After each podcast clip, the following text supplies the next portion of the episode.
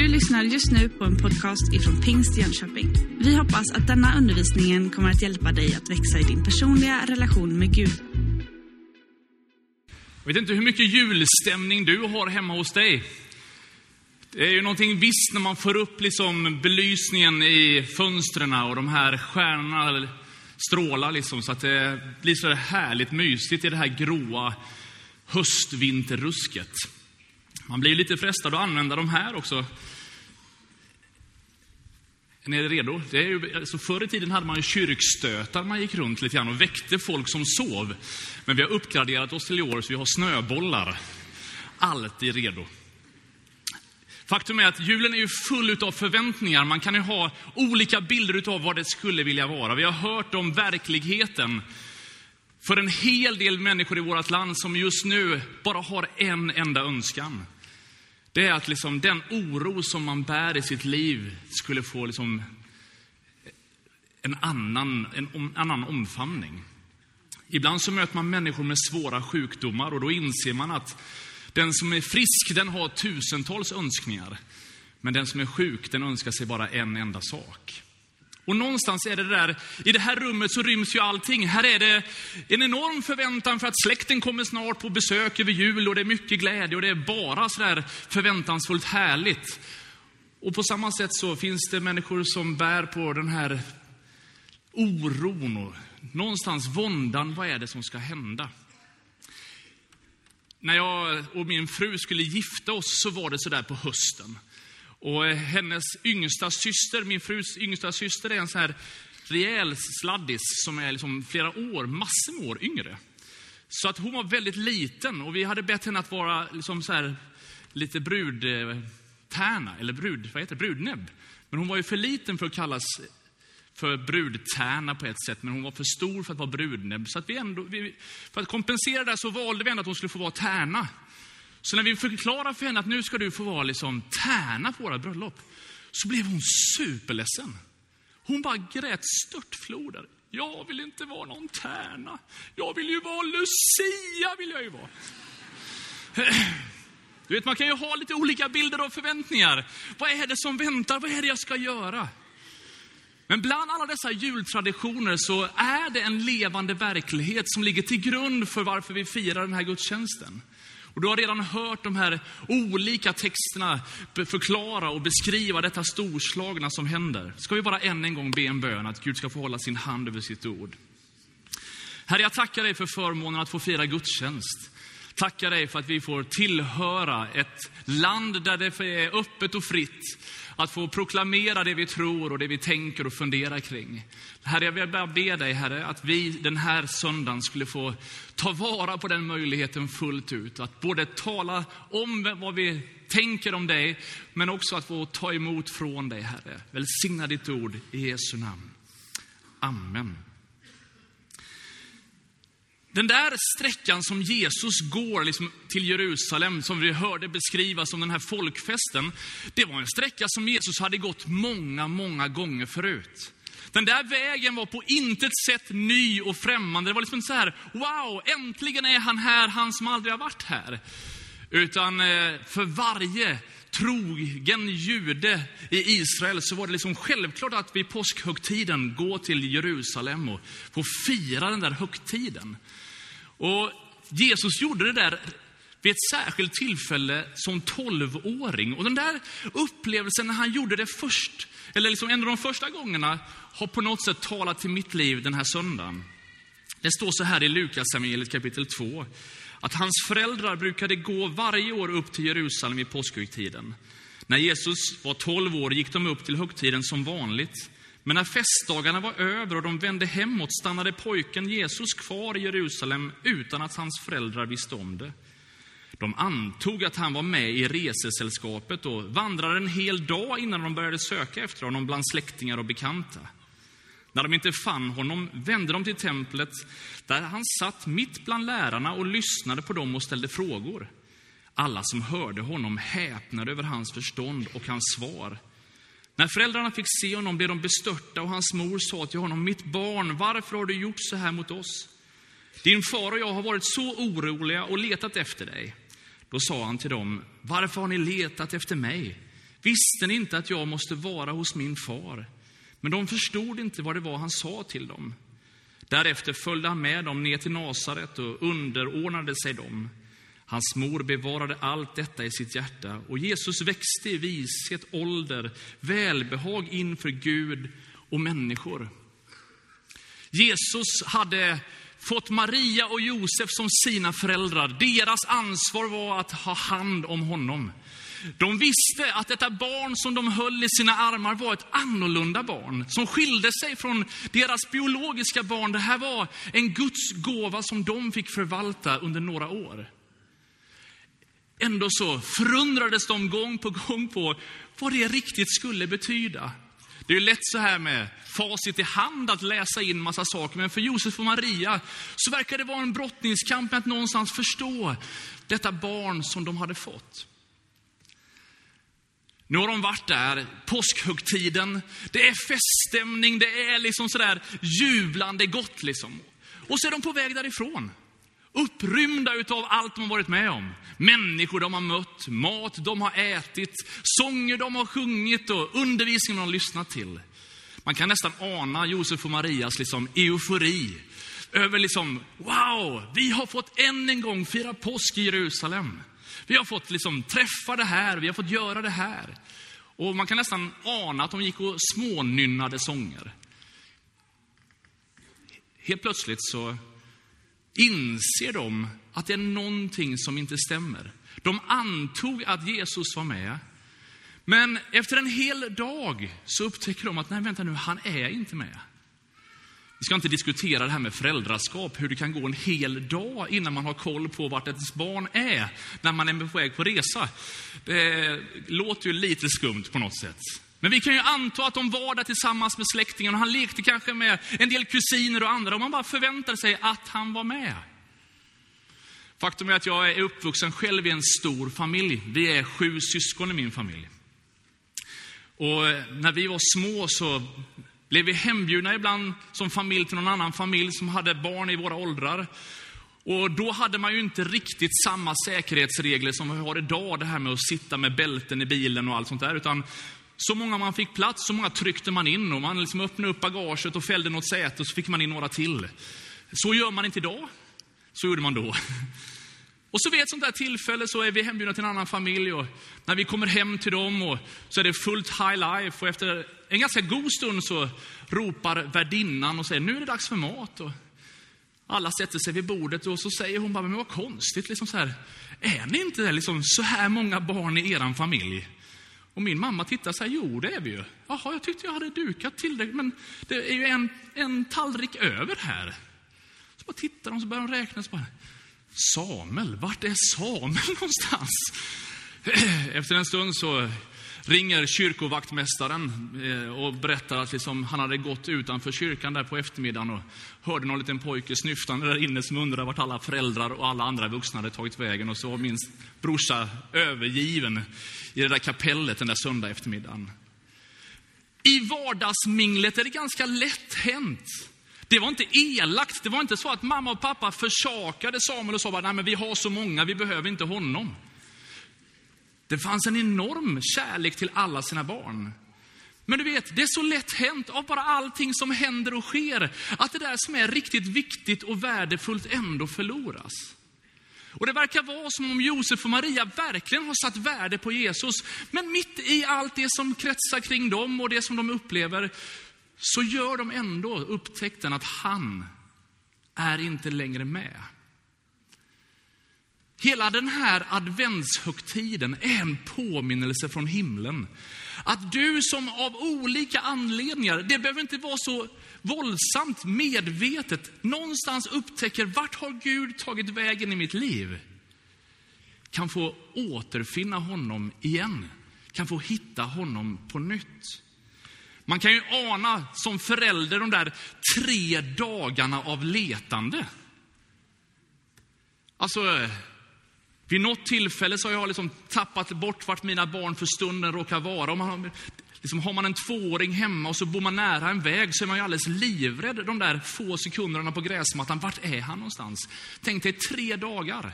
Att som förälder gå och lägga sig på kvällen och inte veta vart sonen är. Det finns en djup förtvivlan ibland i våra liv Ibland så kan vi undra liksom att jag har förlorat glädjen i mitt liv, jag har förlorat mening och syfte, jag har förlorat någonting. Och så där på natten så våndas jag över, hur ska jag, vart ska jag, hur kan jag ta hand om den här situationen?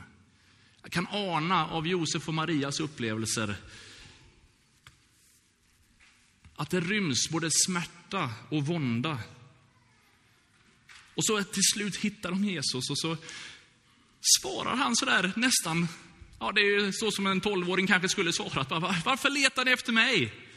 Hur, liksom, vart har ni letat efter mig? Det mest självklara för mig att vara är ju här, i templet. Där min far är, där vill jag vara. ibland så tänker jag även där att i vår längtan efter någonting vi kanske har förlorat, eller någonting som vi saknar, eller någonting som vi längtar efter, så kan vi ibland tänka att det där med Gud, ja, men vi vet inte riktigt vart vi ska leta någonstans. Så att det känns som att vi letar i allt möjligt, men har svårt att någonstans finna honom. Ibland så har vi en sån begränsad bild eller förut, liksom, förutbestämd bild av hur Gud är, så att vi nästan tänker att det ska vara så otroligt dramatiskt. Ändå så märker vi i evangeliet att Gud är så otroligt mänsklig.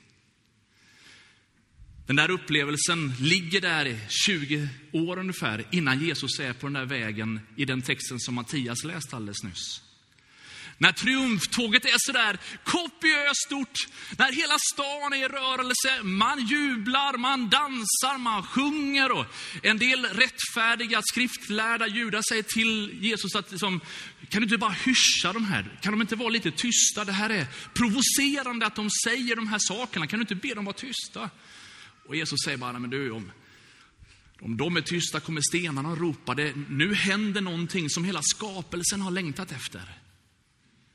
Och mitt i den där euforin så fortsätter texten där Mattias slutade någonstans. Och jag skulle vilja ta dig med till, Johannes, eller till Lukas evangeliet kapitel 19 och från 40 och framåt. Där står det så här.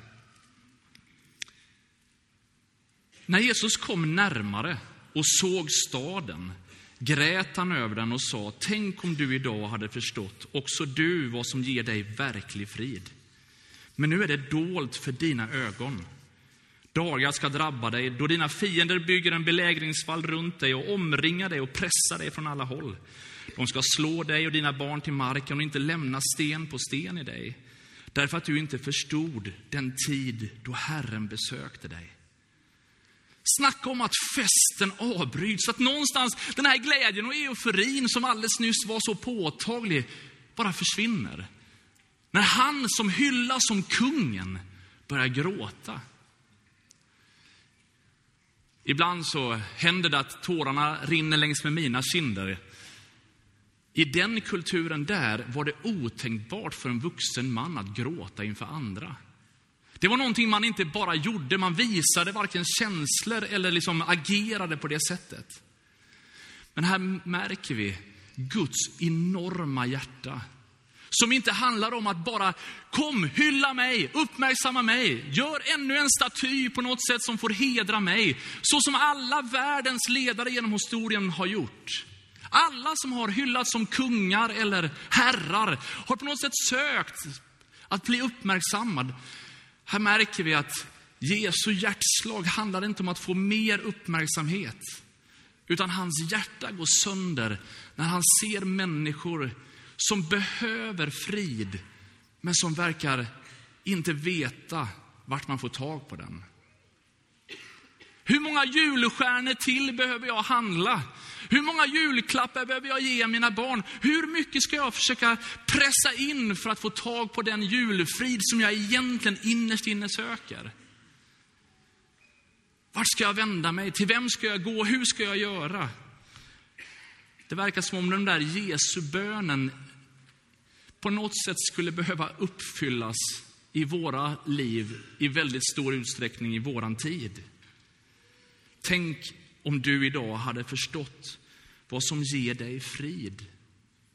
En av översättningarna av de här skriftställena talar om en verklig frid. Det där som går på djupet, som sitter här på insidan, som ger frid i själen. Tänk om du idag förstod vad det är som du egentligen behöver. Jesus säger så här, lite tidigare innan, att min frid lämnar jag åt er. En frid som inte den här världen ger. Låt inte era hjärtan oroas och tappa inte modet. Om du finns med i vårt rum idag som väntar på Migrationsverkets besked fall du får stanna eller inte. Eller fall du har fått första utlåtandet av din läkare och väntar på de nästa provsvaren. Om du på något sätt står i en situation i ditt liv där du nu undrar, hur ska det gå? Så är himmelens hälsning till dig, låt dig inte oroas. Det finns en frid som inte den här världen kan ge, som till och med är så stor att den övergår allt mänskligt förstånd. Din reaktion skulle med rätta kunna vara på ett sätt, men Gud kan ge dig någonting i ditt inre som gör att du kan närma dig de här sakerna med en frid i din själ. Jag vet inte hur ditt liv ser ut när jag tittar i min almanacka och som trebarnspappa och allting försöker få livet att gå ihop så har vi det berömda livspusslet som en stress och någonstans den här, hur ska jag få det här att funka? Tänk om jag lite mer kunde förstå vad som ger mig verklig frid och hitta rätt prioriteringsordning där på insidan. Jesus fortsätter och i den här texten så står det att de förstod inte att de hade möjligheten just nu. De söker efter någonting, de längtade efter, men de förstod inte att just nu händer det. De hade en förväntan av att Gud skulle göra på ett annat sätt. Och någonstans så var det som att han tappades bort i allt det där av egna förväntningar. De förstod inte. Samtidigt så finns det en förundran över vem Gud är. Som inte bara är en intellektuell bild av vad han skulle kunna vara, utan den där friden, det där mötet med Gud är någonting personligt som kommer nära. Och därför så är det så gott som vi hörde från Sakarja, att fröjda dig storligen. Se din konung kommer till dig. Det är ju helt underbara ord. Vi hörde i sången, gör portarna höga, eller vida, och liksom gör, gör allt, gör, bered plats för Gud på något sätt. Här kommer han. Du behöver inte längre undra vart du ska vända dig. Du behöver inte längre kämpa och på något sätt, jag ska försöka nå honom. Himmelens hälsning är att konungen kommer till oss. Det är ju nästan för bra för att vara sant. Om vi ska träffa någon känd person så får vi på något sätt stå i kö för att få boken signerad eller kanske få en autograf någonstans. Och trots att det var prinsdop här så fanns inte jag med på någon slags lista. Det var ingen i kungahuset som saknade mig den här dagen. Himmelens konung, kungars kung. Han har sagt, jag kommer till dig. Därför är Johannes evangeliets hälsning att ordet som alltid har varit hos Gud, är Gud, blev kött, tog sin boning bland oss, blev människa. Anders Alenius som är pastor i, i Värnamo, han sa här i veckan att det är ju häftigt alltså. Neil Armstrong och de andra som åkte till månen, det är ju verkligen stort att åka åt det hållet på något sätt. Men det är ju ännu större att kungars kung lämnar sin tron i himlen och blir människa. Den resan är ju ännu större. Att kungen kommer till oss. Sakarja säger att det här kan få bli din konung. Din konung kommer. Vi är ju väldigt många i det här rummet. Vi heter olika saker, kommer med olika bakgrunder och vi har olika saker i bagaget. Men du vet, evangeliet är att Gud inte gör skillnad på någon människa. Och även om gudstjänsten och gemenskapen med alla de heliga, att någonstans få tillhöra Guds familj är en del, så är det ändå en personlig erfarenhet. Att jag får kalla honom min kung. Han får bli min Herre, min frälsare, min frid. Jag kan få ta emot det personligt, erfara det på riktigt. Johannes skrev ett brev i slutet på Nya Testamentet där han säger så här, vi älskar därför att han först har älskat oss. Medan vi ännu var syndare så bevisar Gud sin kärlek till oss genom att Kristus dog. Så att långt innan vi ens kunde stava hans namn, innan vi ens kunde med våra liv försöka ge honom lite ära och hyllning, så bevisar han sin kärlek till oss. Han kom till oss först. Han älskar oss först. Så om du tänker att din historia på något sätt skulle stå i vägen för att Gud skulle vilja ha med dig att göra, så har du missuppfattat evangeliet. Han dog för oss. Han gav sitt liv för oss. Han längtar efter gemenskapen med oss. Han vill ge oss sin frid. Han vänder sitt ansikte till oss. Det finns många bibelversar som på olika sätt stryker under en Gud som vill ge sig själv för oss. Inte på grund av vad vi kan göra för honom, utan bara för att han älskar oss. Din konung kommer till dig. För några veckor sedan så hade jag förmånen att resa till Israel med min fru. Vi firade lite så 20-årig bröllopsdag, hade några dagar tillsammans. Och en dag så ställde vi oss liksom på baksidan utav det här gamla tempelområdet och så tittar vi på den här nådeporten. Jag tror att det finns en bild här på skärmarna alldeles strax som kommer upp. Och någonstans så är det en profetisk bild utav där i den där porten, när Jesus kommer tillbaka, så, så tror man att han ska gå genom den där nådeporten, den där gyllene porten. Men då var det en härskare som tänkte att det där ska ju inte få hända. Så att då murar vi igen den där porten så att inte Jesus ska kunna komma in. Och några andra som har en annan religion, de tänkte att om vi har en, en kyrkogård här framför, då kommer kommer verkligen ingen med liksom judiskt anspråk på något sätt att vilja gå här och vara här. Ibland så försöker vi på olika sätt kanske bygga lite murar. Det kan finnas saker som har ställts i vägen. Men du vet när kungars kung säger att han vill komma till oss, så spelar det ingen roll vad som har murats igen. Han hittar vägen om du är beredd att ta emot honom. Uppenbarelseboken, den sista boken i Bibeln, säger att se, jag står vid dörren och knackar. Om någon hör min röst och öppnar dörren ska jag gå in till honom och hålla måltid med honom och han med mig. Och om jag kunde ta i ännu mer från tårna så att varenda en av er som är i det här rummet eller följer den här kyrkan via något annat media skulle förstå att varför vi med sån glädje firar den här gudstjänsten, det är för verkligheten av att Jesus själv har sagt, jag kommer till dig. Jag vill vara tillsammans med dig. Och om du öppnar ditt hjärtats dörr så kommer den här friden att bli din. Den här frälsningen blir din, där du blir förlåten och det eviga livet, syftet med vem du är, får sin mening och får sin inramning och du får förståelse för både vem du är och varför du finns. För några dagar sedan så frågade jag mina barn, de är inte så här jättegamla, men jag sa till dem så här, ni ska få en liten läxa tills imorgon. Fundera på, när Gud skapade er, vad tänkte han då? Var, vad hade han för tanke med varför att just ni finns? Dagen efter så säger de så här, bara, ja men du pappa, det var en jättesvår fråga. Liksom, vad, vad ska vi svara på den här? Ja, nej, men fundera en dag till. Vad tror du om Gud nu har en tanke med varje människa? Varför tror du att du själv finns? Dagen efter så fick vi ha ytterligare ett samtal. Och någonstans lite trevande så började de berätta om, ja, men jag tror nog att det här är saker som jag är bra på. Jag tror att jag skulle kunna använda det så här.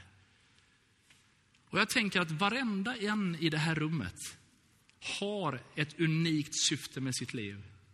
Varenda en av er som är här, Gud har en särskild tanke där ni ska kunna få vara med och bära ljus på samma sätt som du har sett illustrerat här eller lyssnat till i olika sånger. Vi ska kunna få vara med och göra skillnad för andra människor.